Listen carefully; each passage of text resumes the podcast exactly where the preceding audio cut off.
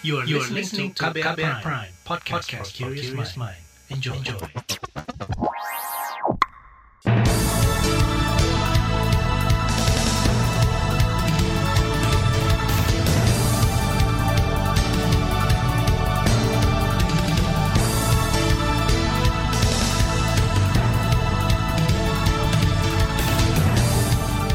Selamat pagi saudara, senang sekali bisa menjumpai Anda kembali melalui program Buletin Pagi edisi Senin 2 Januari 2023. Saya Malika. Sejumlah informasi pilihan telah kami siapkan di antaranya ramai desakan cabut Perpu Cipta Kerja, pencabutan PPKM menuai kritik, hujan dan gelombang tinggi masih terjadi di awal tahun. Inilah Buletin Pagi selengkapnya. Terbaru di Buletin Pagi. Saudara peraturan pemerintah pengganti undang-undang Perpu tentang Cipta Kerja ditolak berbagai kalangan. Kelompok buruh ingin Presiden Joko Widodo menerbitkan Perpu untuk membatalkan Undang-Undang Cipta Kerja, bukan malah menguatkannya. Sejak mula, buruh menolak Undang-Undang Cipta Kerja karena dianggap menyengsarakan. Berikut pernyataan Presiden Asosiasi Serikat Pekerja Aspek Indonesia, Mira Sumirat.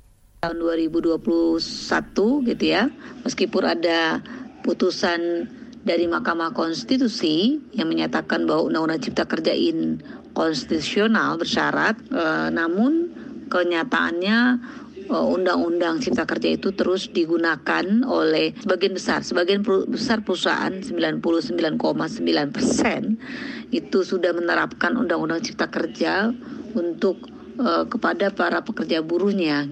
Itu tadi Presiden Asosiasi Serikat Pekerja Aspek Indonesia Mirah Sumirat.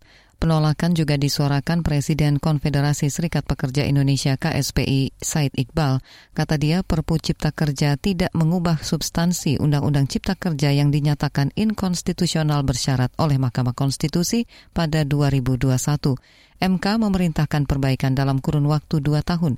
Sejumlah pasal, terutama terkait upah minimum, sistem alih daya, dan aturan cuti, merugikan buruh. Said Iqbal yang juga Presiden Partai Buruh ini akan mempertimbangkan langkah hukum seperti uji materi untuk menolak Perpu Cipta Kerja. Ia juga mengatakan tak menutup kemungkinan buruh bakal menggelar aksi besar-besaran. Saudara Perpu Cipta Kerja diterbitkan Presiden Jokowi di penghujung tahun 2022, kondisi ketidakpastian ekonomi global jadi alasan Jokowi. Kata dia, Perpu memberi kepastian hukum bagi investor. Sebetulnya dunia ini tidak sedang baik-baik saja. Ancaman-ancaman resiko ketidakpastian itulah yang menyebabkan kita mengeluarkan perpu karena itu untuk memberikan kepastian hukum, kekosongan hukum yang dalam persepsi para investor baik dalam maupun luar. Sebetulnya itu yang yang paling paling penting karena uh, ekonomi kita ini di 2023 akan sangat tergantung pada investasi dan ekspor. Itu tadi Presiden Jokowi. Sementara Menko Polhukam Mahfud MD mengklaim pemerintah harus mengambil langkah strategis untuk mengatasi ketidakpastian ekonomi global. Mahfud beralasan jika menunggu tenggat waktu MK pada akhir tahun depan, pemerintah akan ketinggalan mengantisipasi dan menyelamatkan situasi dalam negeri. Pemerintah memandang ada cukup alasan untuk menyatakan bahwa diundangkannya Perpu nomor 2 tahun 2022 ini didasarkan pada alasan mendesak yaitu misalnya dampak perang Ukraina ya yang secara uh, global maupun nasional mempengaruhi negara-negara lain termasuk Indonesia mengalami ancaman inflasi, ancaman stagflasi, krisis multisektor, suku bunga, kondisi geopolitik serta krisis pangan. Sementara itu, Menko Perekonomian Erlangga Hartarto menyebut keputusan MK yang menyatakan Undang-Undang Cipta Kerja inkonstitusional bersyarat sangat mempengaruhi perilaku dunia usaha baik di dalam maupun di luar negeri. Kalangan parlemen juga mengkritik penerbitan Perpu Cipta Kerja. Anggota Komisi Hukum DPR Santoso mengatakan substansi Perpu mestinya tidak bertentangan dengan konstitusi maupun kehendak rakyat. Maka pasal-pasal yang memang sebelum diputuskan oleh MK telah ditentang oleh masyarakat, eh harusnya tidak ada lagi hmm. di dalam undang uh, Perpu yang baru ini gitu. Anggota DPR dari fraksi Demokrat Santoso menolak penerbitan Perpu Cipta Kerja. Ia mengklaim sikap ini didukung tiga fraksi yakni Demokrat, Nasdem, dan PKS. Namun kata dia hingga kini ketiga fraksi belum berkomunikasi ihwal strategi untuk membatalkan Perpu Cipta Kerja. Langkah Presiden Jokowi menerbitkan Perpu Cipta Kerja dianggap pembangkangan terhadap perintah MK. Hal itu diungkapkan Wakil Ketua LSM HAM Kontras Rifanli Ananda. Perpu ini justru malah semakin menunjukkan bahwa pemerintah uh, tidak menyetujui perintah MK agar membuat suatu regulasi sesuai dengan prinsip meaningful participation. Terlebih berkaitan dengan regulasi yang memiliki dampak luas bagi uh, masyarakat. Keberadaan Perpu ini juga secara tidak langsung menihilkan peran Mahkamah Konstitusi sebagai bagian dari uh, kekuasaan yudikatif dan perannya sebagai uh, guardian of constitution. Wakil Ketua Kontras Revan Lee Ananda menilai secara substansial penerbitan Perpu juga tidak memenuhi unsur kegentingan yang memaksa. Ia juga mengingatkan masifnya gelombang penolakan Undang-Undang Cipta Kerja di berbagai daerah sejak pembahasan hingga pengesahan. Kontras mendesak Presiden Jokowi membatalkan Perpu Undang-Undang Cipta Kerja dan tunduk pada putusan MK. Kontras juga meminta DPR menolak penerbitan Perpu. Saudara pencabutan PPKM dinilai lemahkan pengendalian pandemi. Informasinya hadir usai jeda, tetaplah di Buletin Pagi KBR. You're listening to KBR Pride, podcast for curious mind. Enjoy!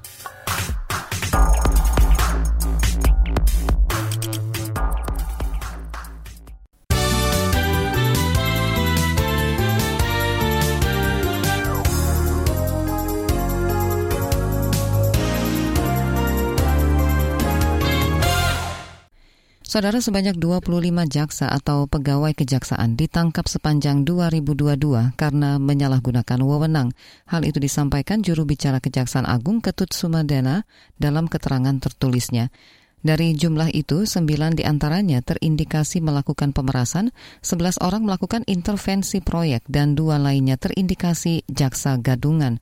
Selanjutnya, satu orang ditangkap karena terlibat perkara tindak pidana umum, satu orang terindikasi menjual barang bukti, dan satu orang terindikasi benturan kepentingan.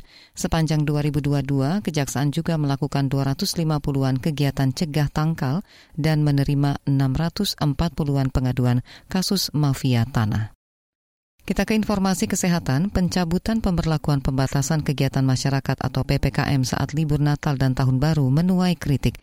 Epidemiolog dari Universitas Griffith Australia Diki Budiman khawatir kebijakan ini bakal mengurangi upaya pengendalian kasus COVID-19. Menurutnya, jumlah komponen yang melekat di PPKM harus tetap dijalankan guna memitigasi lonjakan kasus ketika ini dicabut, sistem itu sudah harusnya sudah ada melekat pada SOP sehingga ini meningkatkan uh, ketahanan kesehatan nasional dari ancaman penyakit apa pun, bukan hanya Covid tapi apa pun sumber-sumber wabah lainnya sehingga kita sudah punya screening awal yang yang memadai ya, yang bisa melindungi kesehatan dalam negeri ya, ketahanan kesehatan dalam negeri. Epidemiolog dari Universitas Griffith Australia, Diki Budiman, juga mengingatkan pemerintah menerapkan protokol kesehatan di pintu masuk negara. Pasalnya sejumlah negara seperti China dan Jepang tengah menghadapi tsunami COVID-19 karena lonjakan kasus harian dan kematian. Sementara itu masyarakat diminta untuk tetap menerapkan protokol kesehatan meski PPKM telah berakhir. Menteri Pariwisata dan Ekonomi Kreatif Sandiaga Uno mengingatkan agar kewaspadaan terhadap penyebaran COVID-19 terus ditingkatkan. Kita harus tetap uh, menggunakan kesiapsiagakan uh, dan walaupun masker sekarang sudah bisa di, uh, ditinggalkan tapi uh, ada panduan bahwa untuk di ruang tertutup atau saat kita kurang sehat ini masker atau saat kita di kerumunan uh, masker ini akan tetap uh, disarankan untuk digunakan. Menparekraf Sandiaga Uno berharap penghentian PPKM bisa meningkatkan kunjungan wisatawan asing ke Indonesia. Selain itu juga untuk mendorong realisasi target 4,4 juta lapangan kerja baru dari sektor pariwisata dan ekonomi kreatif.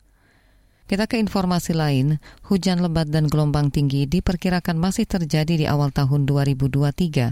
Ini disebabkan fenomena monsun Asia dan penguatan ex-siklon tropis Eli di wilayah Australia bagian barat laut. Berikut keterangan perakirawan cuaca Badan Meteorologi, Klimatologi dan Geofisika BMKG, Gumilang Deranadian. Kondisi tersebut mampu meningkatkan potensi pertumbuhan awan hujan di sekitar pusat tekanan rendah atau di sekitar daerah sirkulasi siklonik serta di sepanjang daerah konvergensi tersebut. Perakirawan cuaca BMKG Gumilang Deranadian menambahkan kecepatan angin hingga 25 knot juga diperkirakan terjadi di Samudra Pasifik Utara, Papua hingga Maluku Utara, kemudian di Laut Cina Selatan, Laut Jawa dan Selatan Jawa, dan Nusa Tenggara Timur, Laut Arafuru, Banda, dan Flores. Menguatnya kecepatan angin tambah Gumilang mampu meningkatkan potensi ketinggian gelombang di wilayah perairan daerah-daerah tersebut. Beralih ke berita selanjutnya, puncak arus balik libur Natal dan Tahun Baru di Bandara Soekarno-Hatta diprediksi terjadi hari ini. Perkiraannya sekitar 220 ribu penumpang bakal dilayani 1.600 penerbangan. Itu diungkapkan Direktur Utama PT Angkasa Pura II Muhammad Awaludin sebagaimana dikutip dari Antara. Kata dia, puncak pergerakan penumpang dan pesawat di Bandara Suta terjadi pada H-2 Natal atau 23 Desember 2022 lalu Jumlah penumpang yang tercatat di seluruh bandara yang dikelola Angkasa Pura II saat itu mencapai lebih dari 240 ribu orang dengan 1.800-an penerbangan. Kita ke informasi mancanegara, Paus Benediktus ke-16 akan dimakamkan pada 5 Januari mendatang di lapangan Santo Petrus, Vatikan. Jenazah Paus Benediktus akan disemayamkan di Basilika Santo Petrus mulai hari ini. Upacara pemakaman bakal dipimpin Paus Fransiskus mulai pukul 9.30 waktu Vatikan. Paus Benediktus ke-16 meninggal dunia di usia 95 setelah kesehatannya terus memburuk. Ia terpilih menjadi Paus ke-265 saat berusia 78 pada 2005 lalu. Ini menjadikannya Paus tertua yang pernah ditunjuk sejak Paus Clement pada abad ke-18. Di 2013, Benediktus ke-16 mengundurkan diri sebagai paus karena faktor usia dan kesehatan.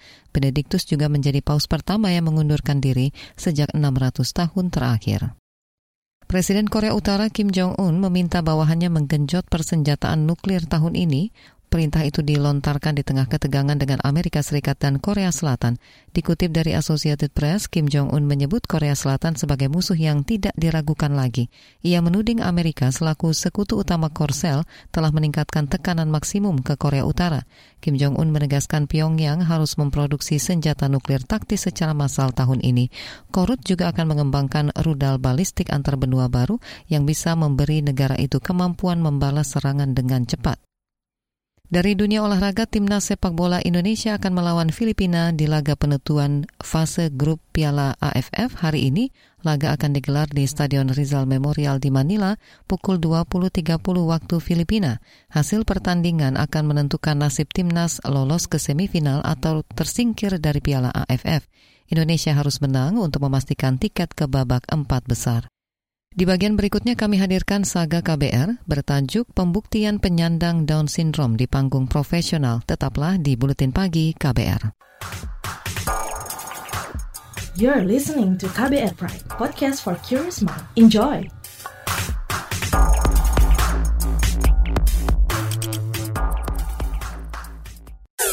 Commercial break. Ada kesedihan, air mata, dan trauma. Namun ada juga gelak tawa, bahagia, dan rasa bangga. Cerita kehidupan manusia adalah perjuangan dan pembelajaran. Pertanyaan dibalik itu secara psikologi, apakah dia punya niat membunuh? Kan belum tentu. Saya kaget ketika ada konflik sesama orang Madura sendiri mengatasnamakan aliran keagamaan. Sejak itu, warga Syiah harus mengungsi sampai sekarang. Untuk kehidupan saya pada waktu itu aja nggak menentu kan. Boro-boro mikirin untuk perpustakaan gitu.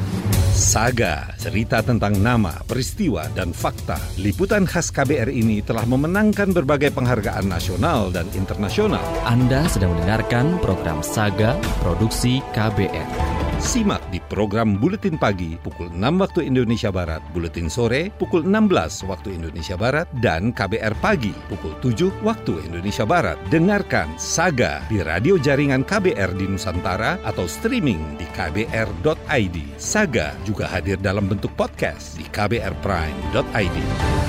KBR, inspiratif, terpercaya.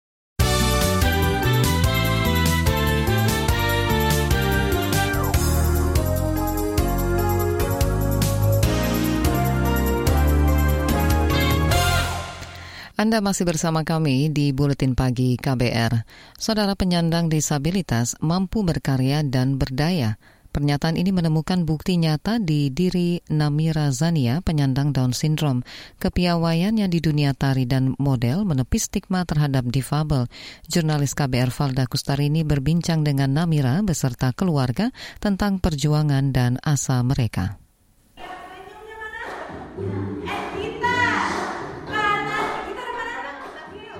Halo, nama aku Namira Zania, saya umur umur 24 tahun. Lagu baru, mungkin dua lagu. Yang lagu yang dari Yura Yunita sama yang tadi di, ditarikan. Namanya Namira Zania. Dia adalah orang dengan Down syndrome. Dia punya karir cemerlang sebagai penari profesional. Sore itu, Namira tengah berlatih bersama teman-teman sesama penyandang Down Syndrome. Mereka bakal tampil di acara ulang tahun Gigi Art of Dance Jakarta, studio tari tempat Namira belajar sejak 2013. Bakat seninya sudah tampak sedari bocah, kata sang ibu, Nini Andrini.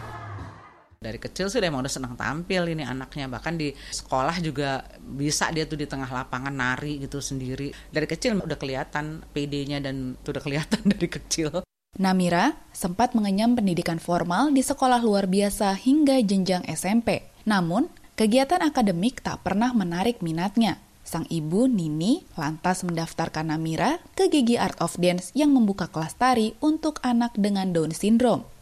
Yang bermasalah itu intelektualnya. Jadi memang kita tuh nggak bisa berharap anak ini secara akademis. Akhirnya saya ceburkanlah dia di passionnya dia, di bakatnya dia di nari. Jadi saya langsung seriuskan aja dia di sekolah narinya sampai sekarang.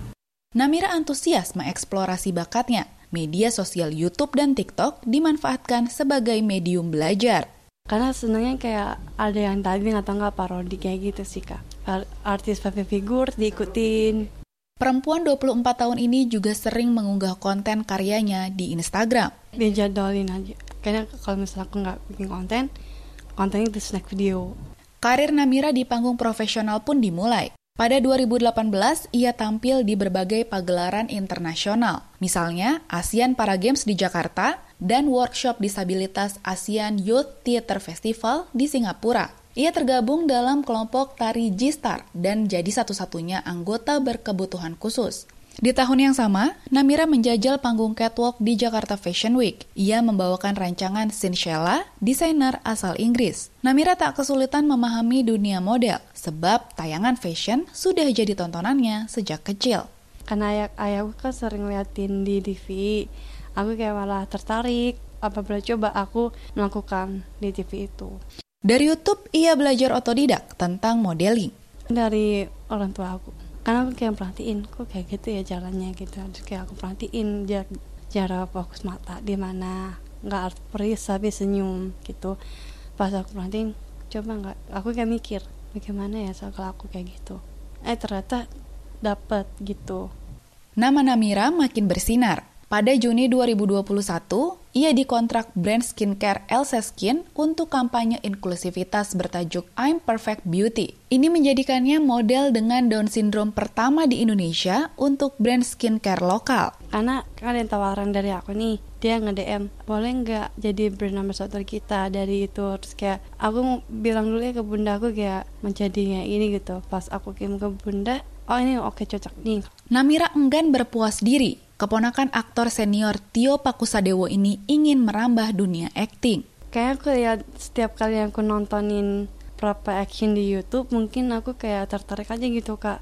Suatu saat nanti kamu ikut sama om aktingnya. Ada ganisnya, terus kayak ada yang sedih, ada yang aku tuh greget banget. Namira mendapat dukungan penuh dari keluarga. Sang ibu, Nini, ingin mendobrak stigma yang melekat pada penyandang Down syndrome. Bawalah mereka keluar dan katakan aja sama semua bahwa memang kita punya anak berkebutuhan khusus. Karena itu juga PD-nya kita itu akan akan menular menjadikan anak kita juga PD. Karena kan dia ngeliat orang tua aku aja PD kok kenapa aku enggak gitu. Pastinya banyak tantangan yang dihadapi Namira dan keluarga hingga sampai di titik ini. Nini berupaya menerapkan pola asuh yang tepat agar Namira mandiri. Jadi saya ngedidik dia sama seperti ngedidik kakak-kakaknya. Jadi kalau ada di saat di mana dia bersa dia salah, ya di, harus dimarahin, dimarahin gitu loh. Nggak nggak ada excuse. Jadi kalau dia memang melakukan suatu hal benar, kita puji dia, kita puji dia kayak gitu sih mbak. Nini berharap anaknya hidup berbahagia dan menginspirasi banyak orang. Dia sudah menjadi bahagia dengan diri dia sendiri aja, saya udah bahagia banget ya bahwa dia bisa mencapai apa yang mimpi yang dia mau. Dia sudah bisa menjadi inspirasi banyak orang, sudah bisa menjadi yang terbaik bagi dirinya dia sendiri. Itu sudah sudah satu anugerah. Demikian Saga KBR, saya Valda Kustarini. Informasi dari daerah akan hadir usai jeda, tetaplah di Buletin Pagi KBR.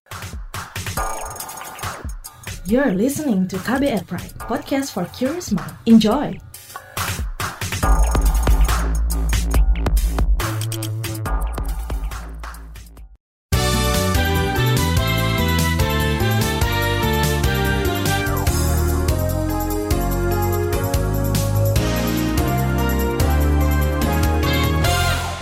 Kita sampai di bagian akhir buletin pagi KBR. Saudara Kepolisian Daerah Metro Jaya melaporkan lebih 36 ribu tindak pidana terjadi sepanjang 2022. Kapolda Metro Jaya Fadil Imran mengatakan dari jumlah itu sebanyak 11 persen atau 3.900-an kasus belum terungkap. Kendalanya beragam mulai dari penyelidikan yang memakan waktu lama karena masalah dokumen hingga koordinasi lintas instansi seperti pada kasus penipuan, pemalsuan, dan perkara lahan. Kata dia narkoba merupakan salah satu kasus yang marak terjadi di 2022. Kasus narkoba, jumlah kejahatan narkoba di tahun 2022 sebanyak 3.586 kasus dan dapat diselesaikan 3.260 kasus. Dari kasus tersebut, jumlah jiwa yang dapat terselamatkan sebanyak 20,7 juta jiwa. Temuan narkoba selama tahun 2022 447,52 kg sabu Kapolda Metro Jaya Irjen Fadil Imran menyebut kasus lain yang juga marak yaitu kejahatan cyber sebanyak hampir 900 kasus, kemudian kasus penganiayaan dan pencurian. Menurutnya jumlah kasus yang dilaporkan pada 2022 lebih tinggi dibanding tahun sebelumnya yang mencapai sekitar 30 ribu perkara. Kita ke Kalimantan Barat. Pembangunan infrastruktur menjadi fokus Pemprov Kalimantan Barat pada 2023. Ini seiring peningkatan pendapatan asli Kalbar. Berikut pernyataan Gubernur Kalbar Sutar Miji tahun 2023 nanti ekonomi kita Kalbar khususnya Indonesia pada umumnya itu bisa tumbuh seperti di tahun 2022. Tahun ini kalau dibandingkan tahun lalu pendapatan asli daerah itu meningkat lebih dari 700 miliar. Ini ya kita gunakan untuk memperbesar pembangunan infrastruktur terutama jalan ya jalan dan jembatan. Gubernur Kalbar Sutarmiji menambahkan ketersediaan infrastruktur untuk mempercepat pertumbuhan ekonomi dan memaksimalkan pendapatan asli daerah. Beralih ke Jawa Tengah, sebanyak 10 perjalanan kereta api di Semarang dialihkan imbas banjir yang menggenangi jalur rel. Hal itu diungkapkan juru bicara PT KAI Daerah Operasi 4 Semarang, Xvan. Ya, untuk pelayanan stasiun Semarang Tawang, khususnya yang jarak jauh, itu sementara waktu dialihkan untuk naik turun penumpang itu dialihkan ke stasiun Semarang Poncol. Juru bicara PT KAI Daups 4 Semarang Isvan menambahkan empat perjalanan dibatalkan yakni kereta Blora Jaya relasi Semarang Poncol Cepu dan kereta Kamandaka relasi Semarang Poncol Purwokerto.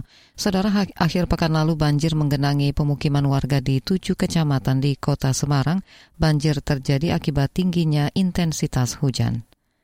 Informasi tadi menutup jumpa kita di Buletin Pagi hari ini. Pantau juga informasi terbaru melalui kabar baru situs kbr.id, Twitter kami di akun @beritaKBR serta podcast di alamat kbrprime.id. Saya Malika bersama tim yang bertugas undur diri. Salam.